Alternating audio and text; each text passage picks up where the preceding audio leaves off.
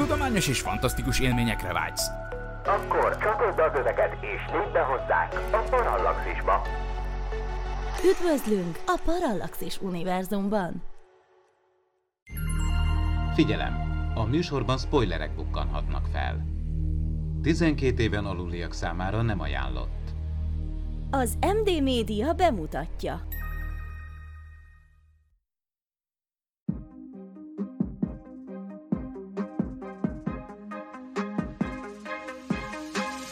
Tudományos és fantasztikus élmények Gézával, aki mérnök, Miklóssal, aki fizikus, és Ádámmal, aki nem. Ez itt a Parallaxis, az MD Media tudományos és fantasztikus podcastjének különleges kiadása. Mai filmünk főhőse egy bal sikerű űrrepülés következtében 2000 évvel a felszállás után egy földhöz hasonló bolygón landol. Itt az emberszabású majmok a domináns fajok, az ember pedig vadállat. A mai utazásunk célja a majmok bolygója, a műsor második felében pedig a Harvard Egyetem csillagászati tanszékének professzora Avi Leib lesz a vendégünk. Ez itt a Parallaxis 78. része. Sok szeretettel köszöntök mindenkit, a mikrofonnál Horváth Ádám Tamás. Ugyancsak szeretettel köszöntöm immáron állandó beszélgetőtársunkat, a Jaguar Land Rover STA mérnökét, Pécsi Gézát. Szia Géza! Hello, hello! Nyugtassuk meg a hallgatókat, hogy minden rendben és rendben végződött az utazásod, hazaértél, minden oké. Okay. Igen, igen, hát el is értem a célomat, tehát miután megtettük az adást ott Szantropéban, még tovább utaztam Marseille-be, majd Marseille-ből Alézbe, ahonnan visszatértem Nizába, és onnan haza is utaztam. Úgyhogy most már itt vagyok. Hát tényleg, mintha Marsra mentél volna. Ez hát. hozzád illő adás volt, azt hiszem. Én, én élveztem egyébként. Na hát örülünk, reméljük, hogy a hallgatók is élvezték, mert mi is élveztük a műsor felvételét, bár azért a kommunikációs nehézségek azért erősen fönnálltak. Na, és természetesen ezúttal is itt van velünk Vince Miklós, az LKH ELTE elméleti fizikai kutatócsoportjának tudományos főmunkatársa. Szia, Miki! Sziasztok! Nem tudom, elárulhatom el, hanem majd kivágjuk, hogy mostában egy kicsit betegeskedtél ennek ellenére, ma lenyomtad a szokolt, most a parallaxist, akkor ez azt jelenti, hogy már esetleg jobban vagy? Ja, ja, ja, e, jobban, abszolút határozottan jobban vagyok, igen. Ez valami ilyen kis vírusos marhaság volt, ami a teszt szerint nem COVID, bár hát ki tudja, mert ezek a tesztek vagy kimutatnak valamit, vagy nem, ugye? De a lényeg az, hogy határozottan javuló tendenciát mutatok. Igen, erre van egy nagyon jó hasonlatom, hogy nem minden negatív COVID-teszt COVID, de minden pozitív COVID-teszt COVID. Tehát a fals pozitívoknak az aránya sokkal kisebb, mint a fals negatívoké, úgyhogy lehet, hogy én egy fals negatív voltam. Előfordul az ilyesmi. Valahogy ez a COVID mostanában úgy, úgy kiment a Uncsi. témából. De inf- influenza is van, amúgy influenza járvány is van most. Szóval. Igen, lehet, hogy az is az, az volt. Na, mindegy. De hát ugye most már nem menjünk le ennyire ilyen idősek klubjába, hogy most arról beszélgetünk két hetente, hogy jaj, a hátam! Pedig egyébként ugye lassan már egyébként ez is, ez is lesz majd. Tehát, hogy velünk együtt öregszik majd a podcast, és akkor el fogunk jutni arra a szintre, amikor lesz egy ilyen 10 perces blokk, amikor beszámolunk az egészségügyi fejleményeinkről. De remélem az még nem most. Sziasztok, ez itt a Parallax, 328. adás, vagy 4892. Szomszédok teleregény. Fejezet. És lehet, hogy majd a majmok fogják csinálni már után.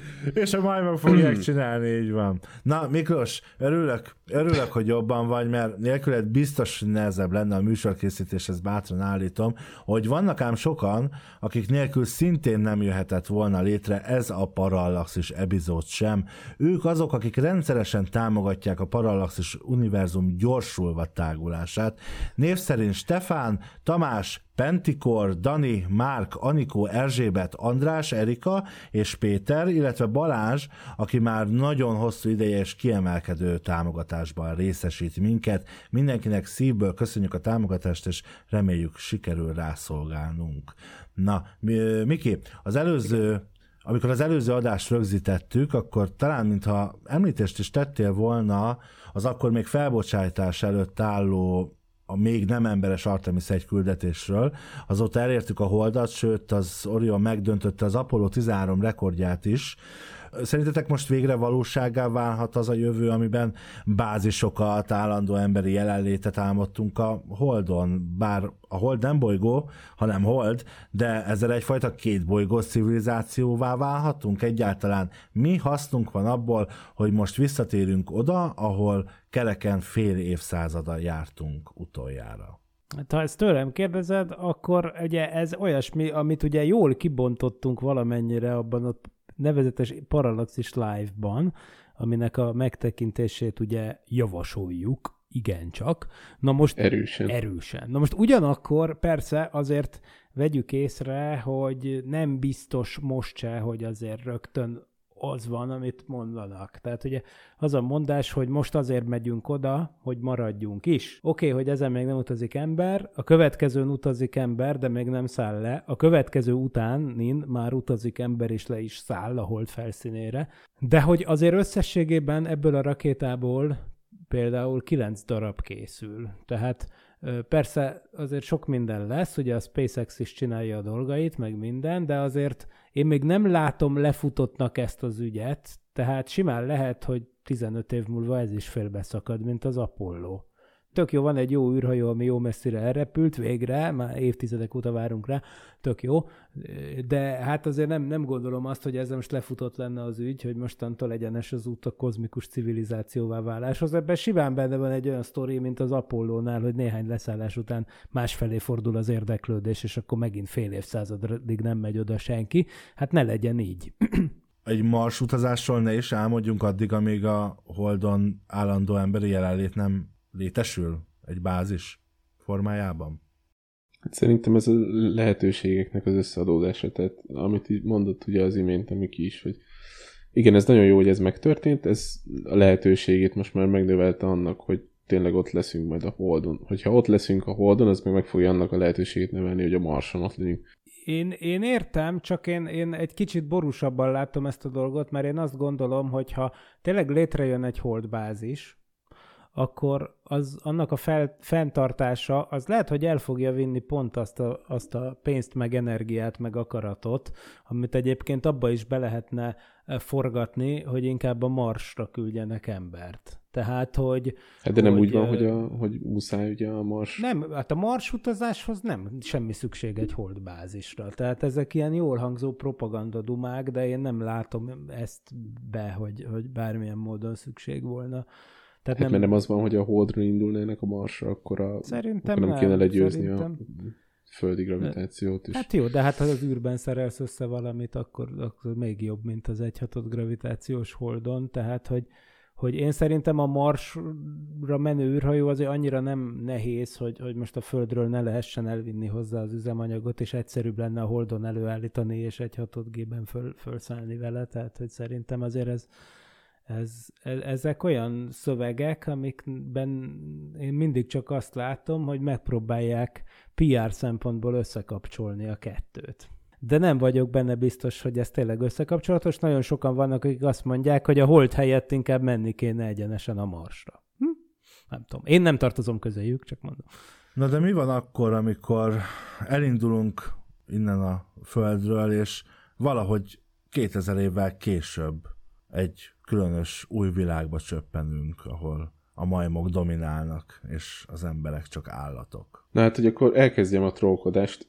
Nekem annyira tetszik a film elején már, amikor ugye ott van Taylor, és ugye a, a, a űrhajóba elkezd szivarozni. Tehát ez szerintem zseniális, hogy akkor mekkora chill az ember, hogy rágyújt az űrhajón, és akkor ott elkezd szivarozni, 1968-ban ez nem is volt kérdés. 60-as Be, beadja magának az altatót, az szépen lehibernálódik, szevasztok.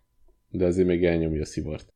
Ugye az a vicc az egészben, hogy, hogy azt én nekem nem is volt tök egyértelmű, hogy itt ugye 2000 meg 8, vagy valami ilyesmi, tehát 2001 egy néhány év telik el. Ugye 1972-ben indul az űrhajó, ugye? Tehát Igen. a jövőbe Igen. indul az űrhajó. A jövőbe indul, 1968-ban készült a film, 1972-ben indult, tehát annyira izé, tök jó volt az űrkorszak, mert az első, évben, első néhány évben aztán tényleg piszok gyorsan történtek a dolgok, hogy simán elképzelhető volt, hogy négy év múlva eljut oda a sztori, hogy, hogy elindul egy négyfős amerikai legénység a, a csillagok felé.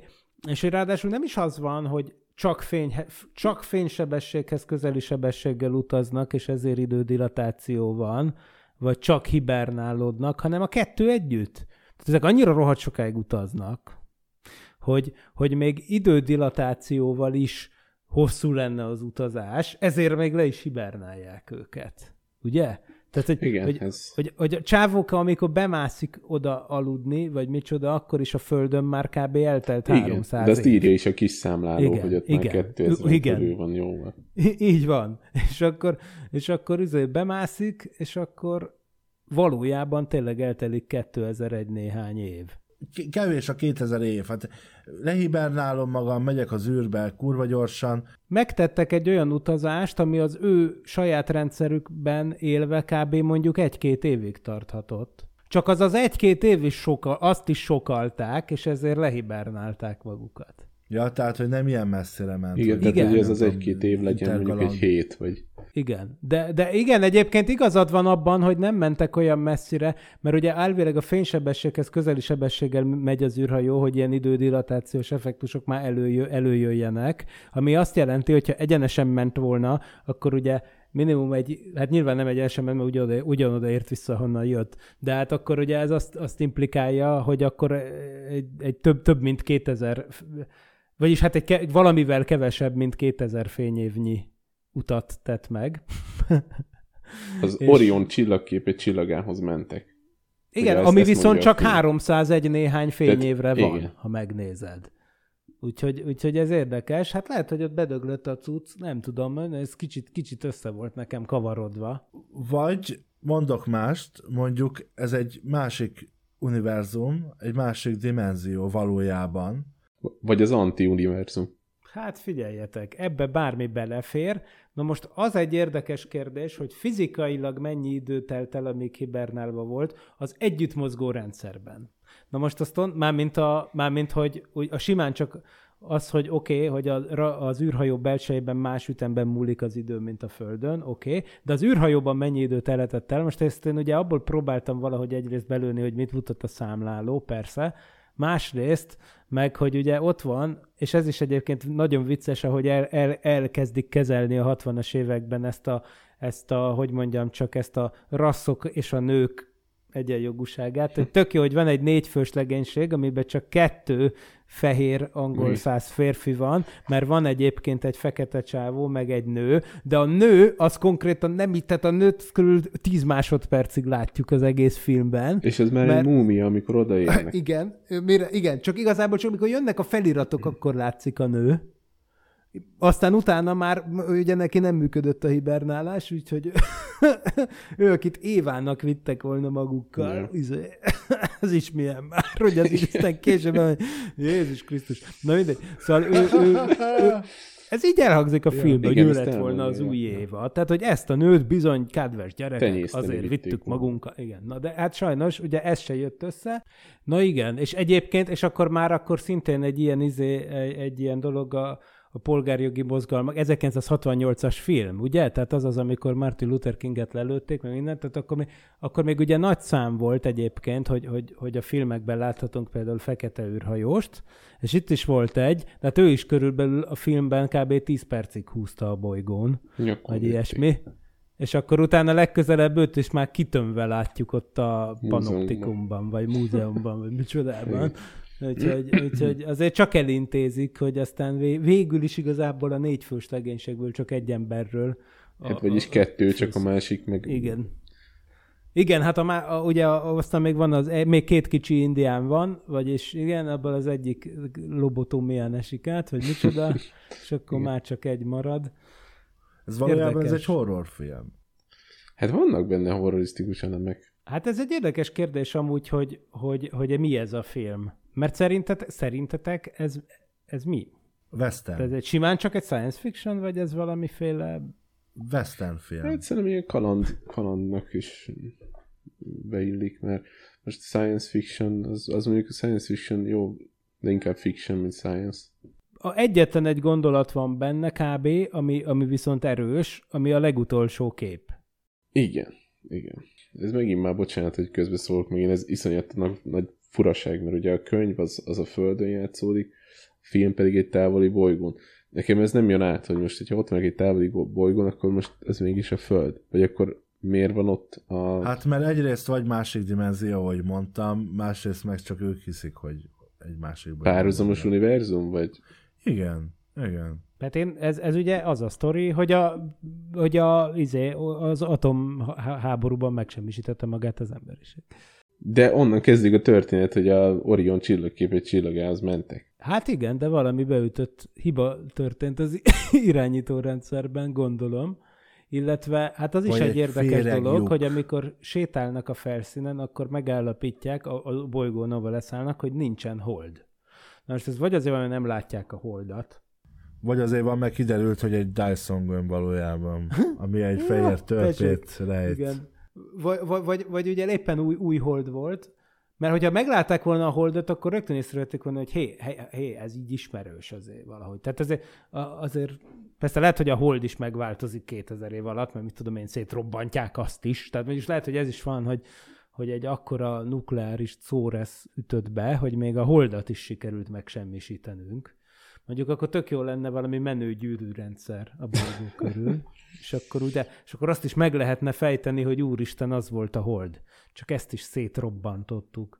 Kevés afroamerikai színész van benne például, viszont hát maga a történet az, az sok mindenről szól az amerikai történelem párhuzamaival élve, tehát akár, akár a, arról, ahogy a, a afroamerikaiakkal bántak sokáig, és ez még most is nagy probléma az Egyesült Államokban, mindaddig, ahogy a, a telepesek bántak az indián őslakossággal. Tehát valahogy azért ez a majom, mint a felsőbbrendű faj, és az emberek, mint a, tehát egy kicsit egy ilyen talán nem azt mondom, hogy tükröt mutat, mert a filmen magán nem érzem, hogy tükröt mutatna, de én azt gondolom, hogy sok a párhuzam a filmben ezekkel kapcsolatban. Hát még ugyanakkor mondjuk lefordítható arra is, hogy ezek a majmok azért, azért ilyen középkori szinten élnek.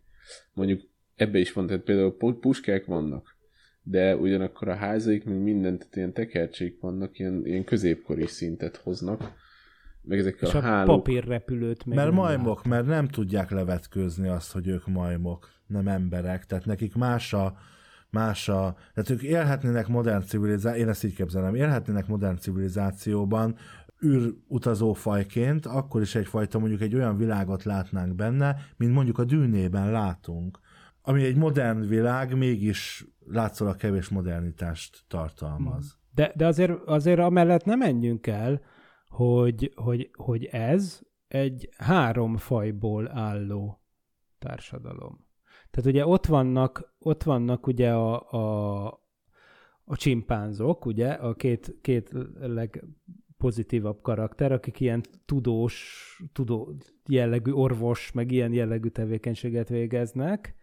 Ugye ott vannak a, a, gorillák. Hát a gorillák, akik ugye az, az, az ilyen katonai katonáskodással töltik az idejeket. Ugye a fekete lovakon általában ezek a formák Igen. mennek, ugye? Ez is mennyire előítéletes, érted? Ugye? Tehát, hogy a, a gorilla, mert az olyan nagy darab, a, nem, ó, Isten, Igen. ez a Igen, film, és, akkor, és, akkor, és akkor az orángutánok jelentik ugye a lényegében az uralkodó kasztot olyan Igen. értelemben, hogy a tudományos meg egyházi hatalom, ugye ott a vallás hirdetői, meg akik tényleg a bíráskodást gyakorolják, azok mind-mind ilyenek, de ennek ellenére érdekes, hogy ez annak ellenére, hogy ez konkrétan nem is rasszokból, érted, hanem három konkrétan eltérő emberszabású majomfajból áll. Mint ami együtt élnénk neandervölgyiekkel, igen. meg még egy Sőt, harmadik. Igen.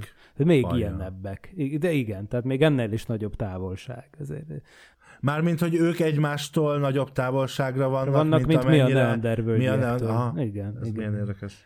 Igen, ezt a Nobel-díjak kapcsán erről dumálgattunk. Igen, ugye, igen, igen. Hogy mi tudunk kereszteződni, tudtunk kereszteződni a neandervölgyiekkel. Hát Claudia, kiderült, hogy Claudia férje egy szuperhős, tehát tele van mindenféle ilyen Claudia férjéről kiderült, hogy ő egy olyan ember, aki Szovai és, és neandervölgyi géneket is hordoz magában. Tehát ő, Nem sem. Ő, ő, ő az izé, a, a, hogy hívják, a, a All Stars Genetika All Stars. Genetika, igen. Homo, ho, ho, hát homo all stars, nem, ez fur, más-más üzenete lenne ennek. De... Na de, de ugye most visszatérve ezre, ez az után, ugye ez a főpapi uralkodói kaszt, azért vannak még ilyen társadalmak a Földön mai napig egyébként. Azért mondtam a, a, ezelőtt a középkoriságot, mert ugye középkorra volt jellemző ez az iszonyat ilyen istenközpont, minden, mindent a vallás irányított, vallási bíróság, ugye inkvizíció, és hogy valahogy ez visszajön a majmoknál is. Tehát ugye De hát most eretnek nyilvánították azt a majmot, amelyik elment a tiltott zónába. És De hát most is visszajön, meg a világ számos pontján most is egy csomó olyan emberek olyan csoportjai élnek, akik nagyon szigorú vallási szabályokat követnek, hát igen, és hát ma, ma is, és hát nem beszélve a vallási őrületről, tehát ami nem egyenlő a valódi vallásossággal, tehát még ha ezt is belevesszük, tehát ez egy állandó jelenlét, miért lenne ez másképp a jövőben a majmok által uralt bolygón, vagy egy majmok által uralt bolygón. És ugye amikor, amikor ott a végén kiköti a fához Taylor azt a orángutánt, akkor ott kiderül, hogy le van írva, hogy ne engedjétek az embereket túlszaporodni, mert hogy ők okozzák a világvesztét. Igen, és ugye nyilván ez egy megtörtént dolog. Tehát nekem ez, ez egy kicsit tök jó, ez, ez nekem tetszik ez a gondolat, mert hát ez, ez, egy, ez egy ősi tudás. Mert ez, ez a, abból ered, ami megtörtént, hogy ezt csak rekonstruálni tudjuk. Aztán nyilván nem néztem végig az egész franchise-t, mert ennek aztán vannak mindenféle, van négy folytatása, előzményfilmek, meg minden. Arra történik utalás, szerintem, amennyire ilyen homályos emlékeim vannak a folytatás filmekből, hogy ezek egyébként genetikailag módosított valamikből fejlődnek ki. Egyébként, ha belegondolunk, ez a 2000 valahány év, ez nem lenne elég ahhoz, hogy csak úgy természetes szelekció útján ezek a, a főemlősök így megváltozzanak. Tehát, hogy még a, még a Jane Goodall is azt mondta egyébként, ugye, hogy a, hogy a csimpánzoknak, ha még a, lesz 7 millió évük, nem, nem 2000, 7 millió évük, akkor, akkor eljuthatnak olyasmire, mint mi. Ez nem jelenti azt, hogy el fognak jutni mellett, hogy rohadtul nem ez az ő irányuk, vagy ilyesmi, de hát azért, azért ugye lássuk be, hogy, hogy, hogy igen. Tehát azért konkrétan vannak ilyen fizikai limitek, hogy ugye egy csimpinek olyan 400 köpcent is az agya. Most az embereknek alsó hangon is 1000-2000 köpcenti. Tehát, hogy itt azért itt, itt, itt, itt vannak olyan dolgok, amik valószínűleg nem várható, hogy megtörténik. De egyébként ez tudományosan, mert ez a Parallaxis podcast, és tényleg nem csak a mozit elemezzük, azért ez egy érdekes dolog, hogy, hogy, hogy mit tudunk jelen pillanatban a főemlősök intelligenciájáról, mert egyébként baromi, baromi értelmesek, ugye? Tehát ezt tudjuk, hogy, hogy, hogy probléma megoldó készségük van, rá tudnak jönni dolgokra, egész sokat olvastam erre, ezekről, ahogy most így készültem erre az adásra, mondjuk nem biztos, hogy a leg, leg up-to-date-ebb forrásokból, de ott ugye vannak ezek az ismerős sztorik, ugye például Coco a gorilla, ugye, aki arról volt nevezetes, hogy, hogy egészen sok mindent el tudott amerikai jelnyelven mutogatni, de az a Vasó nevű csimpánz, az ugyanez a tör, ugyanezt a dolgot tudta, hogy ott lényegében örökbe fogadtak egy emberi család, ugye egy csimpánzt, egy kísérleti célral igazából még talán a 70-es években, és akkor az volt a sztori, hogy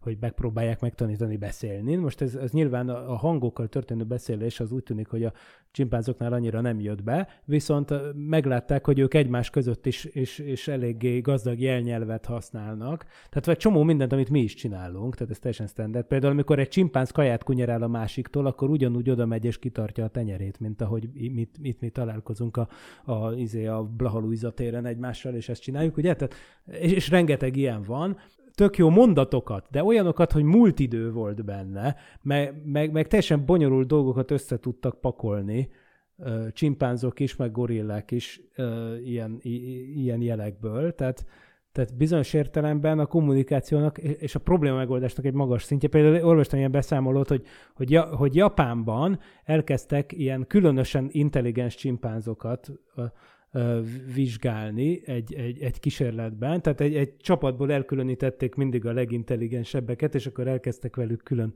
foglalkozni, és akkor az volt az érdekes, hogy mit tudom én, beadtak nekik valami batáta, az mi az éde, édes burgonya, de úgy, hogy egy sá, saras fazékba, vagy tiszta homok volt igazából, és akkor valahogy rájött, hogy ha vizet önt rá, akkor le lehet tisztítani, és aztán arra is rájött, hogy amikor, mit tudom én, búzát adtak be neki, búzaszemeket, ha arra ráönt vizet, akkor, akkor is szét lehet választani a búzát a homoktól, mert a búza az felúszik a víz tetejére, a homok meg lent marad, és akkor azt le tudja szedegetni, és meg tudja enni. És erre tök magától rájött például egy csimpánz, és nem csak az az érdekes, hogy rájött, hanem hogy annyira szociális lény, hogy ugye megtanította a többieknek is. És akkor onnantól kezdve ők ezt tudták. És a Yuval Noah Harari, tudjátok, ez a népszerű mostanában kicsit túl, túl, túl tolt izraeli filozófus is egyébként, azt szerintem eléggé okosan mondja, hogy igazából, ha veszel mondjuk öt embert, meg öt csimpánzt, akkor annyira nem szembetűnő a különbség, hanem, vagy mondjuk egy, egy embert meg egy csimpánzt úgy egymással összehasonlítasz, hogy mi mindenre képes, akkor nem az, nem az az igazán durva minőségi különbség, ott mennyiségi különbségek vannak, de a csimpánz is baromi ügyesen el tud boldogulni, hanem az, hogy, hogy mondjuk száz, száz ember és száz csimpánz között már nagyon lényeges különbségek vannak, mert az emberek tudnak társadalmat alkotni, és úgy tűnik, hogy, hogy ez van egy szint, ami fölött a, a, például a csimpánzok ezt már nem tudják lekövetni, és igazából a mi erőnk az abban rejlik, hogy, hogy el tudunk fogadni ilyen absztrakt koncepciókat, és ez alapján csinálni egy társadalmat, még hogyha az egyén az annyival nem is több, mint egy csimpánz. Tehát egy ember egyén az nem biztos, hogy több, mint egy csimpánz egyén annyival, mint amennyivel mondjuk száz ember többre képes, mint száz csimpánz. Mi volt a legtudománytalanabb ebben a filmben számotokra? Nekem az volt fura, hogy ugye fegyvereket használnak a majmok, amiben van egy lövedék, ami repül. Na most, amikor ugye Taylor beviszi ez a majom professzornő, és próbál neki írogatni papíron, hogy leírja a nevét, stb. stb., akkor hajtogat egy papírrepülőt és eldobja, és a majmok így állnak, hogy oh, repül. Hát a repülés az, az lehetetlen. Tehát repülés lehetetlen, de közben fegyvereitek vannak, tehát szerintem ez, ez nagyon nagy ellentmondás. Igen, de lehet azt úgy nézni biztosan, csak úgy nézni, hogy repül a golyó. Tehát nálunk is ugye a, a, a, izé, aki volt ez a Kelvin? Lord Kelvin, aki 1890-es évek végén leírta, hogy a levegőnél nehezebb tárgyak repülése lehetetlen. Ez egy nagy fizikus volt. A Wright fivérek előtt néhány évvel ezt leírta. Akkor már persze évszázadok óta lövöldöztek puskával. Nyilván itt a felhajtó erő létéről és erről a csodáról beszéltek. Nyilván igen, nem hajtogattak igen. még repülőt soha. Igen, vagy igen. Tehát a, nem igen. esett le egy papírlap soha a asztalról. Ugyanakkor meg ugye mondják ezt is, hogy amikor ugye a konkisztádorokkal indiánokkal találkoztak Amerikába, akkor nem használtak kereket az indiánok, viszont a gyerekjátékokban meg voltak kerek, tehát volt kerék a kis autón. Igen, ez érdekes, hogy ugye a Vinetú meg az egyéb ilyen nézék miatt azt gondoljuk, hogy, hogy az indiánok lovagoltak, de valójában a lovak, lovakat az amerikai kontinensen az európaiak honosították meg. A Jared Diamond, aki írta, írta arról egy könyvet, ami igazából pont azt vizsgált, az a magyarul háborúk, járványok, technikák a címe, a, írta egy könyvet arról, ami azt vizsgálja, hogy hogy a turóban van az, hogy az európaiak gyarmatosították a világot, és nem fordítva. Ugye?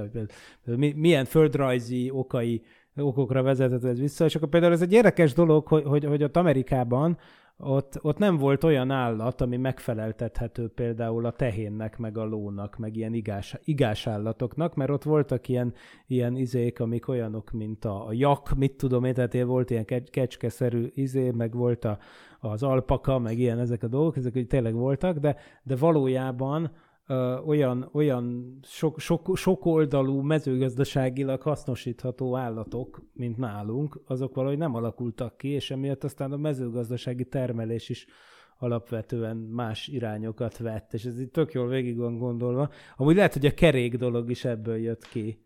Nem tudom. Tehát, hogyha lehet, hogyha nincs lovad, akkor annyira nem jön elő a kerékre való igény. Ez érdekes, nem tudom, ezt csak most találtam ki, mert a kerékről nem ír a Diamond semmit, csak ki tudja, hát ha összefügg.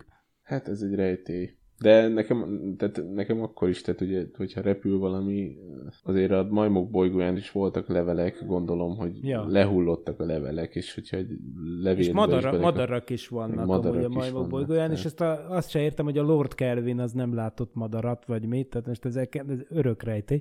A saját De... kezével az a vadállatfaj, az ember egy ilyen szépen lebegő dolgot csinált, és ettől voltak elájulva. Hiszen ők teljesen lenézik az embereket, tehát nem, nem úgy, ahogy mi most a majmokat, hogy, hogy legalább azt mondjuk, hogy cukik, meg nem tudom, de ők utálnak minket, mint nem tudom, a csótányokat, a patkányokat az emberek. Hát a, a csimpánzok azok őszintén csodálkoztak, de ha megnézitek, hogy a páviánnak, vagy bocsánat, az orángutánnak mi a reakciója arra, amikor meglátja azt a papírrepülőt, Össze, össze, ő összegyűri, és eltünteti a bizonyítékot, tehát ő ugye egyértelmű, az ki is derül, hogy ő egy magasabb tudás birtokában van.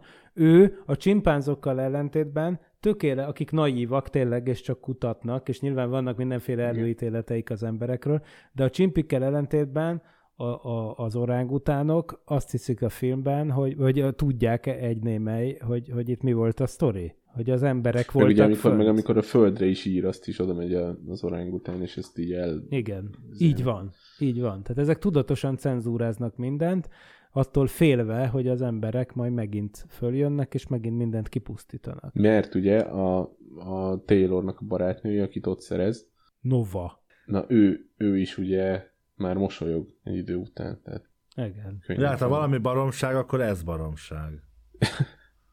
Tehát ha, föl, ha most nem, tehát fönnakadsz a puskán és a repülőhajtogatáson, de nem akadsz fenn ezen a nem tudok mosolyogni. De előtte meg együtt aludtak. Igen, de egyébként mondtuk, hogy hát a nőket az hogy kezeli ez a film, és milyen izé, de azért valójában Nincs okuk az örömre, és ezért nem tudnak mosolyogni. Elfelejtettek mosolyogni. Hát akkor ez egy nagyon nagy társadalomkritika ez a igen, film. igen, amúgy ja, ja, mert amúgy a csimpánzok is mosolyognak, meg minden. Mármint, hogy nem a filmbeli, hanem a Hanem valódi. a valóságban, igen, persze. igen. Persze. Szóval, hogy viszont az is, mondtam, hogy hát a nőkkel hogy bánik ez a film, de azért valójában a, a, az egyik legpozitívabb és legközpontibb szereplő az egy nő, csak éppen csimpánz. Igen. És még el is csattan az első ember-csimpánz csók a film végén. Interracial, a Pornhubon van külön kategóriája ennek. Interspecies, ez nem interracial, ez, ez érdekes. Érdekes egy film ez, tényleg minden szempontból nagyon 60-as évek, nagyon ellentmondásos. Hogy ja, kérdezted, hogy mi a legtudománytalanabb? Talán az egész Manhattanben játszódik, ezt így gondolhatjuk. Hát nem sokat környékén. mennek jobbra-balra, igen. Nem sokat mennek jobbra-balra, aztán végül megtalálják ezt a szerencsétlen izét, szabadságszobrot, de hát egy sziklafalnál van. Tehát milyen geológiai történet lehet a háttérben? De hogyha atomháború van, akkor mondjuk robbanhatott akkor át az egész, meg egyébként, Hogy odébb repül. hát hogy odébb Jó. repült, nem? De én nem voltam Amerikában, nincs ott valahol egy ilyen sziklaorom a Nincs. közelben. Ott nincs. A saját álláspontomat megint hangoztatnom kell. Ez egy, világ, alter, igen, ez egy párhuzamos világ, ahol nem ugyanott van a szabadságszobor. Lehet, hogy valójában, nem tudom, Afrika kontinensen járunk. Lehet, hogy a Föld sem így néz ki, mert a tekton, tektonikai lemezek igen. mozgása Igen, igazad van. nem így Tehát, ha alakította eltűnt be a hold, Pangából ha eltűnt most, a hold, igen, akkor akkor minden máshogy van. Lehet, hogy nem is De volt akkor hold miért eleve. lenne szabadság És akkor bizony- ez egy ilyen univerzum, hogy Én, én azt nem tudom, hogy a majmok mit csináltak, akiket túlszul ejtették őket, vagy összefogdosták őket, és hogy most ott voltak egy ideig a ketreszbe, de így fogytak az emberek, és végül ő maradt meg a csaj, és a csajt meg őt külön rakták. Hogyha most így befogdossák őket, és akkor ilyen kísérleteket csináltak rajtuk, vagy, vagy mit csináltak? Mert hogyha egyébként egy ember lenni, lehet, hogy ez a paradicsom, tehát most lehet, hogy néha jönnek a majmok, megkergetnek, de ott vagytok a dzsungelben, van víz, van kaja, én, én ezt úgy értelmezem, hogy ez a töménytelen pusztítás, amit ezen a bolygón látunk, azt az emberiség csinálta, valami szovjet-amerikai nagy nukleáris konfliktusban izé, te, lényegében minden, majdnem mindenki kihalt, aki nem halt ki, az olyan mutáns lett tulajdonképpen, hogy olyan degenerációt szenvedett, hogy elfelejtettek beszélni, vagy ilyesmi, és a csimpánzok Megmosolyogni. egyszer, megmosolyogni, és a csimpánzok egyszerűen előléptek betölteni azt a nist, azt a ökológiai fülkét, ami... Hát ami... és lehet, hogy Értem, találtak. ezt, a azt gondolom voltak Piaci rést, olyan ja, ez- dolgok, amiket találtak, és akkor megegyezhetünk abban, hogy ez egy ilyen eléggé negatív jövőkép az emberiség számára. ja. Felmerül a kérdés azért, hogy ilyenkor, hogy mit tehetünk, hogy elkerüljük ezt a, ezt a helyzetet, vagy legalábbis megmentsünk valamit fajunk eszenciájából, úgyhogy a műsor második felében erről beszélget Miklós Avi Leibel, a Harvard Egyetem csillagászati tanszékének professzorával, akit most Láng tolmácsolásában hallhattok, de ezen podcast megjelenéséhez képest néhány nappal feltöltjük az angol nyelvű magyar feliratos verziót is a Facebookra és a YouTube csatornáinkra. Tartsatok velünk! Ha hozzánk hasonlóan neked is szenvedélyed a tudomány és a fantasztikum, és szívesen lépsz be a Parallaxis univerzumba, arra kérünk, hogy legyél a támogatónk és segíts te is az ismeretterjesztést. Látogass el a patreon.com per Parallaxis címre, ahol a különleges tartalmak mellett már akár napokkal korábban hallgathatod a Parallaxis podcast legújabb részét. patreon.com per Parallaxis.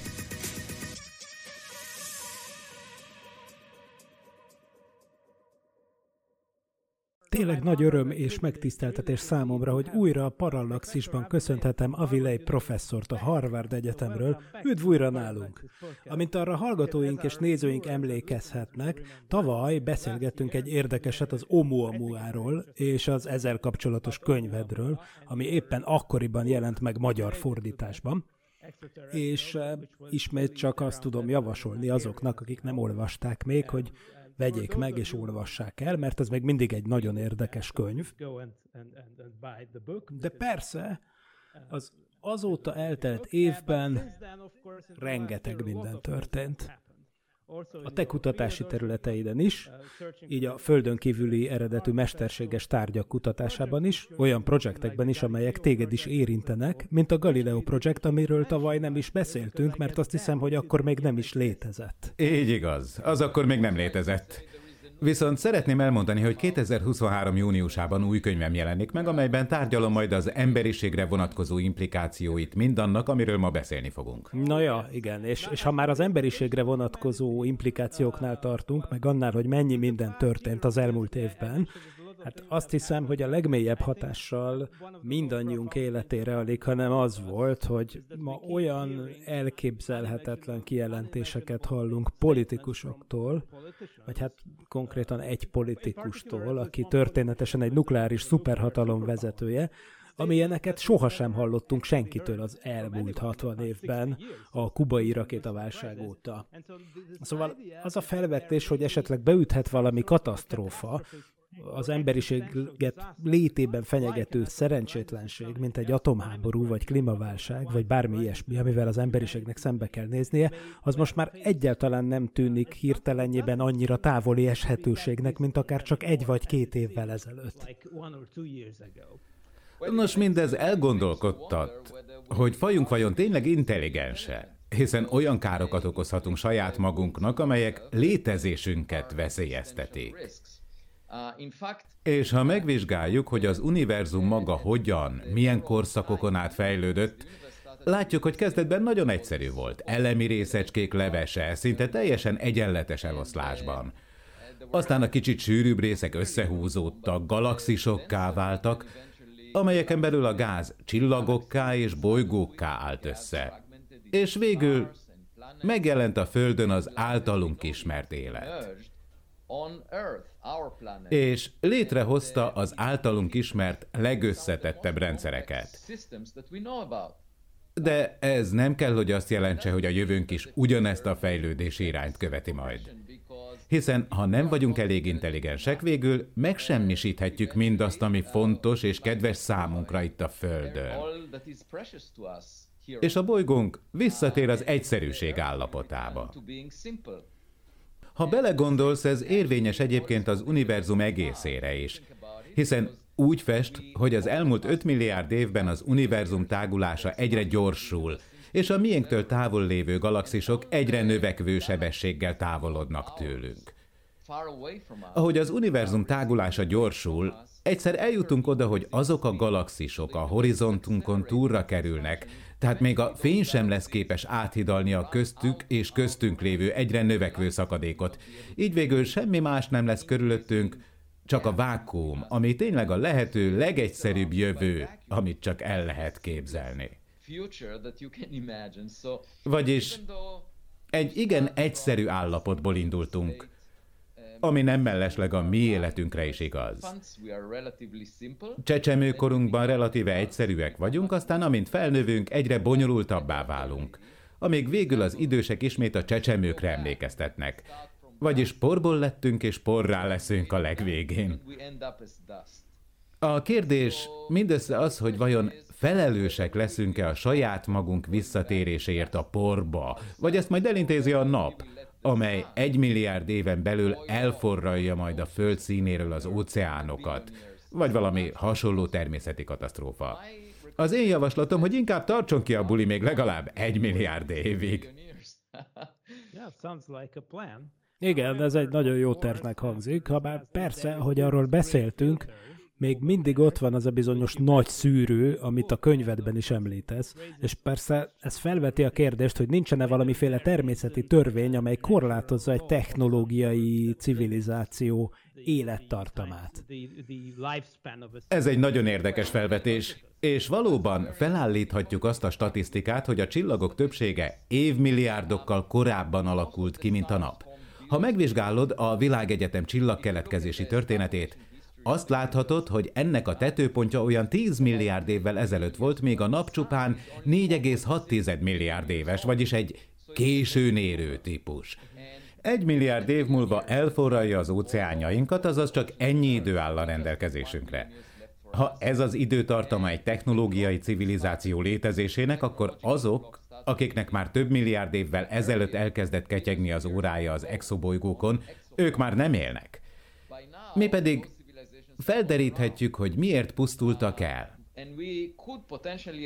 Hogy vajon természeti katasztrófa végzette velük, mint amikor egy csillag sterilizálja a lakható bolygóját. Vagy egy önmaguk által előidézett sérülés, egy atomháború vagy egy klímaváltozás, esetleg egy mikróba vagy egy vírus, amit biológiai hadviselés céljából egy laborban hoztak létre. Ha ilyen szemmel vetünk egy statisztikusi pillantást az exobolygókra, szerintem mondhatjuk, hogy a minket megelőző civilizációk már nyilván kihaltak. Még ha természetes okok miatt is, például a napjuk elforralta az óceánjaikat. Vagyis tőlük eredő rádiójelek után kutatni nem a helyes módja annak, hogy nyomokat találjunk. Olyan, mintha arra várnánk, hogy felhívjon telefonon Wolfgang Amadeus Mozart. Ő már nincs itt, viszont megtalálhatod azt, amit hátrahagyott. Ugyanez érvényes a kozmikus civilizációkra. Kereshetjük az általuk küldött űreszközöket, és ha azokat a megszokott kémiai hajtóanyagokkal hajtották, akkor azok biztosan nem érték el a tejútrendszer elhagyásához szükséges szökési sebességet. Azaz itt kell, hogy legyenek a galaxisunk gravitációs terébe csapdázódva, amely egy kosárként egyben tartja ezeket. Szemben a rádiójelekkel, amiket ők kibocsátottak amik végül eljutnak az univerzum széléig, de így nem igazán érzékelhetjük már őket. Tehát ez a csillagközi űrrégészet egy teljesen eltérő szemléletet igényel. Ez alapvetően azt jelenti, hogy olyan fizikai objektumokat keresünk, amelyeket más civilizációk készítettek és küldtek az űrbe. Olyan ez, mintha megnéznéd, van-e valami a postaládádban, ahelyett, hogy egy telefonhívásra várnál. 70 éven át vártuk a rádiójeleket, a telefonhívást, de nem fogtunk semmit. Ezért azt javaslom, hogy nézzük meg a postaládánkat a kertben, talán tele van felhalmozódott levelekkel. Na igen, és akkor már hadd kérdezzek valami provokatívat ami még inkább kívül esik a, hát hogy mondjam, megszokott kereteken. Ja, amúgy én azt gondolom, hogy a megszokott keretek rossz helyen vannak. Az én érveim teljesen a józanészen alapulnak, szóval inkább úgy tűnik, hogy ezek a keretek nincsenek a jó helyen. Na igen, ahogy ez már sokszor előfordult a tudomány történetében, újra meg újra megtörténik. És akkor meg kell várni, hogy bekövetkezzen a paradigmaváltás. Csak odébb kell mozdítanunk ezeket a kereteket, nem olyan nagy szám ez. Ahelyett, hogy 10 milliárd dollárokat költenénk a szuperszimetria elmélet hipotetikus részecskéinek keresésére azzal, hogy részecskéket zúzunk széjjel a nagy hadron ütköztetőben, ennek a költségnek a századából építhetnénk olyan távcsöveket, amelyek folyamatosan figyelik az eget olyan eszközök után kutatva, amelyeket földön kívüli civilizációk alkottak. Épp ez az, amit a Galileo Projectben csináltok. Én csak annyit mondok, hogy néznünk kell ahhoz, hogy lássunk. Egyáltalán nem bonyolult. Nyilvánvalóan. Na, szóval amikor ezek talán mégsem annyira eretnek gondolatok, de akárhol is vannak a keretek, azért az, amit kérdezni fogok, az mégiscsak elég súlyos. Tehát említetted a statisztikákat, ugye? Na de nyilván jelenleg, mivel mindeddig nem volt meg sem az az egy milliárd dollár, sem az idő arra, hogy begyűjtsünk egy tisztességes, hogy is mondjam, asztroszociológiai jellemzéshez egy valamire való statisztikát. Viszont a fizikában gyakran megesik, hogy legalábbis úgynevezett stacionárius rendszerek esetében, amilyen talán a Föld is, talán, a rendszerek sokaságára vett statisztika helyett egyetlen rendszer hosszú időre vett időbeli statisztikáit elemezzük, hogy megtudjunk valamit a világról. Így hát felmerül a kérdés, hogy tudhatjuk-e egyáltalán azt, hogy a Földbolygón nem alakult-e ki valaha egy másik technológiai civilizáció, ami éppen itt fejlődött ki valamikor az elmúlt 4,6 milliárd év során. Hiszen ugye ez is egyfajta szűrő, mert hát ha mi most egyik pillanatról a másikra kihalnánk, holnaptól az emberiség megszűnne a Földön, vajon miféle nyomaink lennének, amelyek 100 millió év múlva is érzékelhetőek lennének? Hát igen, bár a Föld nem is az alkalmas hely az ilyen kereséshez, hiszen a Föld felszín és a köpenyanyaga a 100 millió évek alatt elkeveredik. Így aztán, ha valami érdekes történt itt a közelmúltban, azt esetleg megtalálhatod. De az értelmes lények keresésének legjobb helyszíne valójában a hold. Hiszen mindmáig ott vannak a lábnyomaink a holdon. Persze idővel a mikrometeoritok azokat is eltörlik, de aztán, ha például az Artemis program úgy igazán beindul, és létrehozunk valamiféle bázist a Holdon, ez a lábnyom ott is fog maradni. A Holdon nincsen geológiai tevékenység, nincs légkör, és a Marson is hasonló a helyzet. Vagyis nekünk át kellene kutatnunk ezeket a bolygófelszíneket mesterséges eszközök után, amelyek még mielőttünk vagy a Földről érkeztek, vagy pedig exobolygókról származó objektumok lezuhan darabjai lehetnek. Ez szintén egy lehetőség, hiszen közönséges kémiai rakétákkal fél milliárd évbe telik keresztül utazni a tejútrendszeren. Mint említettem, csak meg kell vizsgálnunk, hiszen a legtöbb csillag több milliárd évvel a nap előtt keletkezett. Tehát bőven volt rá idő, hogy ez meg is történjen. Na már most az elég valószínű azért, hogy semmi hozzánk hasonló nem élt régebben a Földön, de tudod, ezt is empirikusan kell megvizsgálni, és nem csak feltételezni. Az ember eléggé hajlamos arra, hogy azt képzelje, mi vagyunk a világ mindenség közepe, és nagyon fontos szereplői vagyunk ennek a kozmikus színjátéknak. De én azt mondom, hogy ez a színjáték 13,8 milliárd éve kezdődött, és mi csak a végén értünk ide. És mindaz alapján, amit Galileo Galilei és Kopernikus tanított nekünk, nem a miénk itt a főszerep. Tehát ha nem te állsz a színpad közepén, és csak későn bukkantál fel, akkor ez a darab nem rólad szól. Jobban teszed, ha inkább más szereplők után kutatsz, akiktől megtudhatod, hogy miről is szól ez az előadás. Igen. Jó, hát akkor visszatérve hosszú távú jövőnkre, ami bár remélhetőleg tényleg vár ránk odakint, mégis ahogy a bevezetőben is említettem, mindannyian érezzük, hogy van egy nem elhanyagolható esélye azért egy olyan katasztrófának, ami eltörölheti a civilizációnkat, a kultúránkat a Földről, még ha nem is az egész emberi fajt. Na, és egy friss cikketekben, amit két kollégáddal írtatok, amiben belefutottam az interneten, ilyen esetekre valami olyasmit javasoltok, amire úgy utalsz, hogy holdi biztonsági másolat az emberiség számára, aminek tehát ismét csak a holdhoz van köze. Azt hiszem most már mindannyian értjük is, hogy miért, hiszen a holdon nincsen lemeztektonika, meg ilyesmik.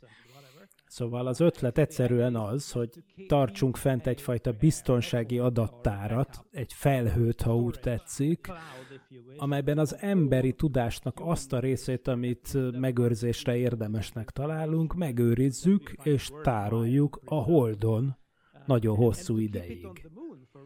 Tehát kérlek, beszélj erről az izgalmas ötletről. Ez tulajdonképpen nem egy eredeti ötlet. Onnan indult, hogy nyáron vettem egy laptopot. és a poszdokom azt javasolta, hogy vegyek hozzá egy hordozható háttértárat is. Azon biztonsági mentéseket tárolhatsz a gépről, hogy akkor se vesszenek el a fontos dokumentumok, ha valami baj éri a laptopot, mondjuk leöntött kávéval. De ha mégis, megvan minden biztonsági másolatban. Erre azt gondoltam, miért nem tesszük ugyanezt nagyban? Tekintve Putyin ambícióit és mindazokat a veszélyeket, amelyek létében fenyegetik az emberiséget. A Hold ehhez egy ideális platform, mivel először is itt van a NASA Artemis programja, amelynek keretében azt tervezik, hogy egy fenntartható emberi bázist létesítsenek a Holdon. Vagyis lesznek ott emberek. Um, Így nem annyira drága létrehozni és működtetni ott egy ilyen tárolórendszert, és feltölteni mindazt az információt, amit fontosnak tartunk. Például minden emberekkel kapcsolatos információ, így például könyvek, zenék, az ember kulturális termékei könnyen tárolhatóak. Vagy a földi életformák genetikai kódja szintén elmenthető oda, és aztán rendszeresen frissíthető is. Szemben például az aranylemezzel, amit a Voyager űrszondára szereltek. Azon csak nagyon limitált mennyiségű információ van, és ráadásul olyan, amire én nem vagyok különösebben büszke. Nem szeretem a 60-as évek zenéjét például. A feleségem imádja, de engem mindig az újdonság, az élvonal vonzott. Szóval Szerintem az, hogy legyen lehetőségünk frissíteni az adatokat, igazán alapvető fontosságú ahhoz, hogy büszkék lehessünk arra, amit teszünk. Hogy mondjak egy példát, a New Horizons űrszondát azért küldték, hogy a Plutót vizsgálja. De vitt magával egy kis dobozt is. A dobozban a Plutót felfedező Clyde Tombaugh hamvainak 30 gramja kapott helyet. Amikor ezt meghallottam, azt gondoltam, hogy ennek semmi értelme, hiszen ezek a hanvak semmiben nem különböznek egy cigarettájétól. Semmiféle információt nem tartalmaz. Tehát mi az értelme elégetni annak a tudósnak a genetikai információját, akiről éppen meg akarnál emlékezni? Én szégyellem ezt a dobozt. És ha a földön kívüliek megtalálnák, azt hinnék, hogy mi egy nagyon agresszív civilizáció vagyunk, nagyon primitív rítusokkal. Megsemmisítjük annak a személynek a DNS-ét, akiről meg akarunk emlékezni.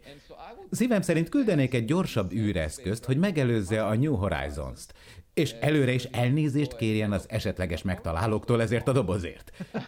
Viszont megtehetjük, hogy azokat a dolgokat, amikre igazán büszkék vagyunk, folyamatosan frissítve tároljuk majd a Holdon.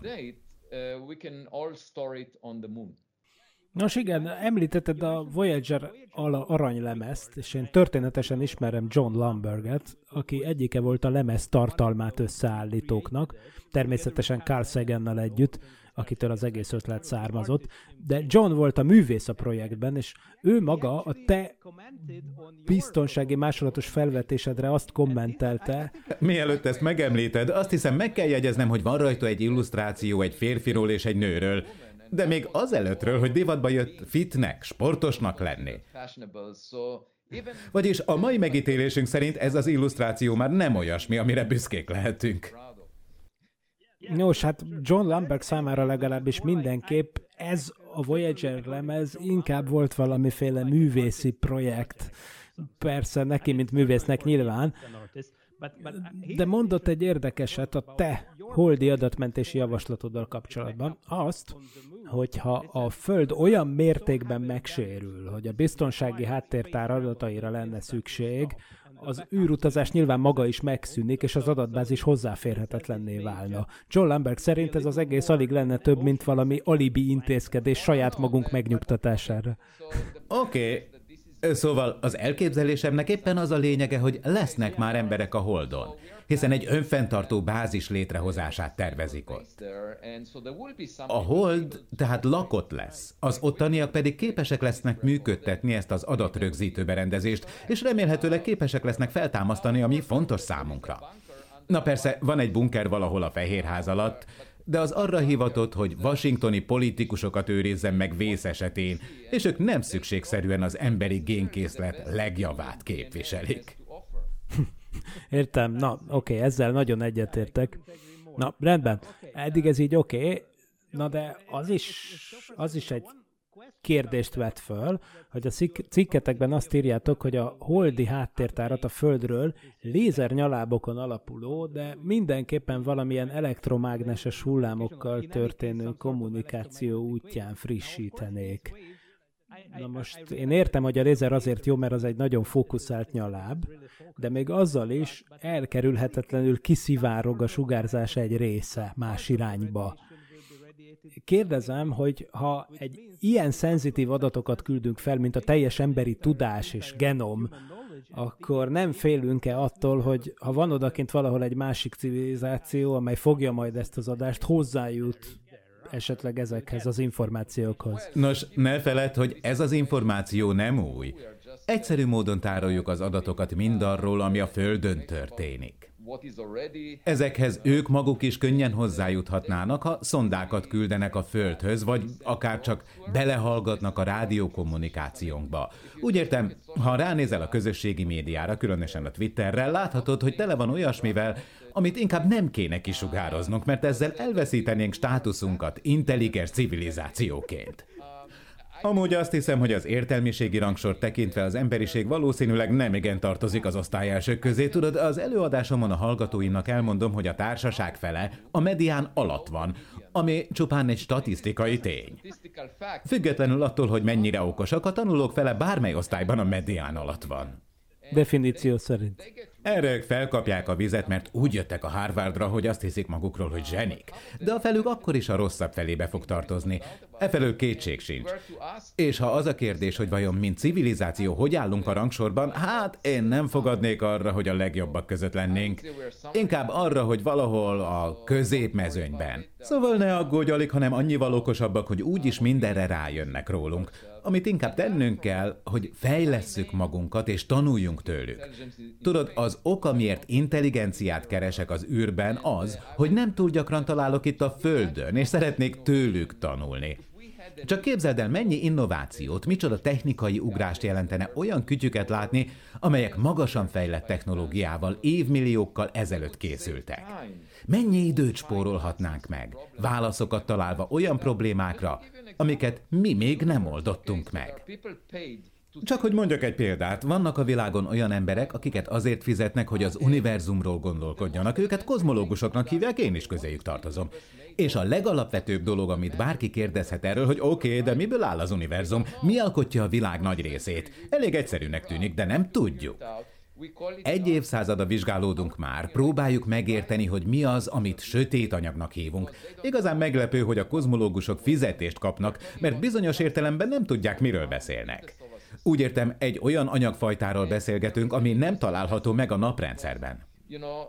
És van itt egy érdekes tanulság. Mindig azt gondoljuk, hogy ami itt körülvesz minket, az jellemzi az egész univerzumot. Ezért gondoltuk azt is, hogy mi vagyunk a világegyetem közepén. A lányaim is azt gondolták magukról, hogy ők a világ közepe. Aztán elkezdtek óvodába járni, és ott rájöttek, hogy a világ sokkal nagyobb, mint az otthonuk. De azt is hisszük, hogy minden, amiből az univerzum áll, az itt is megtalálható. Ám ez nem igaz, ez bizonyítja a sötét anyag. Az univerzum 83%-a valami olyasmiből áll, amit még nem találtunk meg. Én pedig azt mondom, a keresést folytatni kell. Az első három csillagközi objektum, amelyek beléptek a naprendszerbe, nagyon furcsának tűnnek. Ebből kettő olyan meteor, amelyeket a tanítványommal, Amir Szirádzsal fedeztünk fel. Az elsőt 2014-ből, a másikat 2017 márciusából. És persze ott van az Oumuamua, az objektum, amit a Földön kívüli című könyvemben tárgyaltam. Az első két csillagközi eredetű meteorit úgy tűnik alig, hanem a vasnál keményebb anyagból áll, az alapján, hogy hol robbantak fel a légkörben. Nem tudjuk, miféle anyag volt ez, de éppen ezért tervezünk egy expedíciót Pápua új Gineába. Felkotorjuk az óceánajzatot ezen meteorit szilánkjai után kutatva, és kiderítjük, hogy miből áll. Tettem egy ígéretet a Modern Művészeti Múzeum kurátorának, hogy amennyiben egy mesterséges szerkezetet találunk, ami a miénknél fejlettebb technológiát képvisel, akkor elviszem, hogy kiállíthassák a Modern Művészeti Múzeumban. Hiszen számunkra a modernitást fogja jelképezni. Míg annak, aki küldte, Ez már ős történelem. Tehát a lényeg az, hogy azok a naprendszerbe érkező csillagközi objektumok, amelyeket láttunk, nagyon különlegesnek tűnnek. Kilógnak a sorból mindazokhoz a kövekhez képest, amelyeket a naprendszerben figyelhetünk meg. Amiképp a sötét anyag is valami olyasmi, amit nem figyeltünk meg a naprendszerben, tehát muszáj nyitottnak lennünk, hiszen az, amit az udvarunkban találunk, nem feltétlen azonos mindazzal, amiből a világ áll. Köszönöm szépen a, hát mint mindig, most is inspiráló beszélgetést, és még egyszer alig várjuk, hogy meglássuk, hogy mit találtok Pápua új Gineában, és persze, hogy olvassuk az új könyvedet, ami angolul hamarosan megjelenik. A címe Interstellar, és mivel az előző könyv címe Extraterrestrial, vagyis földön kívüli volt, néhány napja írtam a kiadómnak, hogy ha trilógia lesz végül, akkor a harmadik könyv címe Intergalactic lesz. Hát, oké, okay. reméljük majd akkor is itt leszünk, és azt is elolvashatjuk, és megbeszélhetjük majd a maga idejében. Köszönöm szépen. Köszönöm, hogy itt lehettem. Azért nagyon kemény pali ez Miklós, minden tiszteletem mellett elég odamondós pacák. Uh-huh. Kedves hallgatóim, szarok vagytok, jó esetben is csak szarok! Na de térjünk inkább át arra, amiről beszéltetek a tartalmi részére, mert ez igen érdekes volt. Tudod, van az, hogy, hogy hát hogy mondjam, tehát van az a vékony jég, ami egyrészt elválasztja a tudományost a tudománytalantól, és van az a vékony jég is, ami elválasztja a zsenit az őrültől, és konkrétan nem tudod meg igazából, hogy az ő esetében ez melyik, hogy mennyire van beszakadva, átszakadva, itt, itt, itt az ő esetében három dolog adódik össze. Egyrészt eleve izraeli pali, másrészt ugye amerikai egyetemi rendszer termeli ki, harmadrészt konkrétan a Harvard, mint egyik ilyen borostyálligás élegyetem, meg minden. Tehát az biztos, hogy, hogy, hogy, hogy természetesen neki alapból megvan az a, hát amit a Héber úgy mond, hogy hucpá, ami, ami valami olyasmi, hogy ilyen tulajdonképpen elég nagy pofájúság tulajdonképpen, amivel mersz olyan dolgokat állítani, amiben egyáltalán nem volna szabad, hogy bizonyos legyél. Az ő esetében látod, hogy neki mindenről úgy tűnik tényleg, hogy nagyon határozottan megvan a véleménye, és ezt nem is fél az orrod alá dörgölni, még akkor se a fél információkból táplálkozik adott esetben. De azért összességében én mindig szeretem hallgatni az ő gondolatmeneteit. Egy dolog van, hogy, hogy logikailag nem tűnt mindig százszerzelékig konzisztensnek az, a, az a, amit ő gondol a világról, de ez nem is feltétlenül baj, csak ez akkor nem tűnt föl, amikor beszélgettem vele, csak utólag, amikor visszahallgattam. Tehát egyrészt két dolgot mond. Egyrészt, hogy, hogy jé, feltételezzük azt, hogy, hogy igazából a világ minden szempontból hasonlít ahhoz, ahol lakunk, és ha mi itt vagyunk, akkor nem vagyunk különlegesek, és akkor biztos tele van intelligens lény- lényekkel a világ, vagy ki tele volt, csak már kihaltak, ugye? Ez az egyik állítás, ami elhangzik. A másik állítás elhangzik, hogy, hogy hát az is egy baj velünk, hogy, hogy azt hisszük, hogy ahol mi vagyunk, az olyan, mint a világ többi része, ahol ott a sötét, sötét anyag sincs itt. Két állítás, az egyikben azt mondja, hogy pont abból induljunk ki, hogy, hogy mi semmilyen szempontból nem vagyunk különleges helye a világbannak, aztán ugyanebben a beszélgetésben valamivel később elhangzik az, hogy, hogy hát azért mi mégiscsak nem vagyunk egy átlagos helye a világnak, hiszen ugye mondja, hogy a 83%-a valami olyasminek van a világból, világnak, aminek mi itt a nyomát se látjuk. Ugye ezt is, ez is elhangzik a beszélgetésben. Mindegy, de mind a két gondolatnak megvan a maga helye, csak az a bámulatos, hogy ő ezt ilyen nagy természetességgel nyomja, mint hogyha valami konzisztens világkép lenne, pedig igazából nem. Ettől még mind a kettőben lehet igaza, érted? Meg az is, hogy, hogy tényleg most elmennek Pápua új Gineába felkotorni a tengerajzatot, nem tudom hány kilométer mély ott az óceán azért, hogy valami néhány kilós meteoritikus törmeléket találjanak, ami egy másik naprendszerből érkezett. Tehát ez egy fantasztikus terv, de, de hát azért, tehát ahhoz azért kell önbizalom, nem? Tehát a, a, a tű a szénakazalban általános hasonlat, az smafu. Ha lenne egy ilyen backup, ahogy Avi is említette, ugye a Voyager aranylemeze is tartalmaz egy ö, sematikus rajzot, vagy nem tudom, ábrát. De látod, az is, az is felületesség, mert amúgy persze benne van több kép is, de ugye összekeveri itt is a Pioneer lemezzel a Voyager lemezt. Ugye a Pioneer aranytáblán. Igen? Igen. igen. Tehát az a híres kép, amin a férfi meg női ember alak ott áll így integrál emlegetve, az a Pioneer űrszondán való ilyen néz... Ezt én se tudtam. Hát látod, de hát az jó, oké, de nem is te vagy a, az Avi Leib, aki mindenhol mindenről nyilatkozik, de mindegy, oké, én értem, amit mond, de hát az is milyen volt már, na mindegy, szóval body shaming. Ha nem Avi Leibre lenne bízva, és nem másra lenne bízva, hogy mit tartsatok meg, akkor mik lennének azok, amiket beraknátok egy ilyen időkapszulába, egy ilyen backupba. Én például a túró rudit, a palacsintát mindenképpen, a gulyáslevest. Nyilván ez ilyen sok magyar dolgot tudok felsorolni, mert hát magyarok vagyunk, de, de mi, az, amit, mi az, amit megtartanátok? Milyen sorozatot, filmet? Hát én ezt is szétrókodnám, tehát én, én azt, azt a szivár, szivárványos 2 24 órás verziót tenném be, hogy az az egyetlen egy zene legyen, amit tudnának hallgatni, és emellett még a Szalacsi Sándor eredeti videóját raknám. Hogy az, Kiz, kizárólag bolygóvédelmi okokból. Igen. Hogyha valaki idejön ezt megnézi, és ezek nem voltak normálisak, innen menjünk el. Tök ez jó. Ez egy nagyon jó stratégia. És, és még elégetik a DNS-ét is, mint ahogy Avileib mondta. Nem normálisak ezek az emberek, húzzunk innen. Mondták a vulkánia 2063 áprilisában. Mit raknátok bele? Mondjuk egy Parallaxis epizódot, melyik Parallaxis epizódot raknátok bele? Hát én azt, mint DJ van, meg Brian Schmidt. De igen, de lehet, hogy ez lesz az, tudod? Lehet, hogy ez lesz az. Előre küldjük a Vilejbet, mármint, hogy mint a... Amúgy ez is milyen, hogy, hogy őszintén szólva, tényleg az, hogy azért, azért update magunkról az információt, hogy olyannak látszódjunk, aminek mi látni akarjuk magunkat. Szerintem ez sem helyes. Tehát, hogy a, tehát a, Voyager, a Voyager lemez filozófiájában például oké, okay, annak is nyilván voltak bajai, de, de ott egyáltalán nyilván annakban is volt olyan, hogy a lehető legjobb képet fesse az emberiségről, de ha már saját magunk számára készítünk backupot, akkor nem azt kell eltárolni, hogy milyennek szeretnénk látni magunkat, hanem a szintiszta igazságot. Tehát abból lehet a legtöbbet tanulni. Avi nem hiszi, hogy saját magunknak csinálunk bekapott. De hát közben azt mondja, hogy magunknak csinálunk. De közben megvan róla győződve, hogy itt eh, civilizációk igen. űrszondái keringenek. De figyelj, de, de nem, igen, de az is milyen volt, hogy azt mondja, hogy, hogy, hogy hogy, hogy, izé, hogy, hogy kérdeztem, hogy nem baj-e, hogy most orba szájba szétkürtöljük a, az emberi DNS-t, meg a, izé, a, a kis érzékeny adatainkat rádión, miközben a hold, vagy, vagy lézer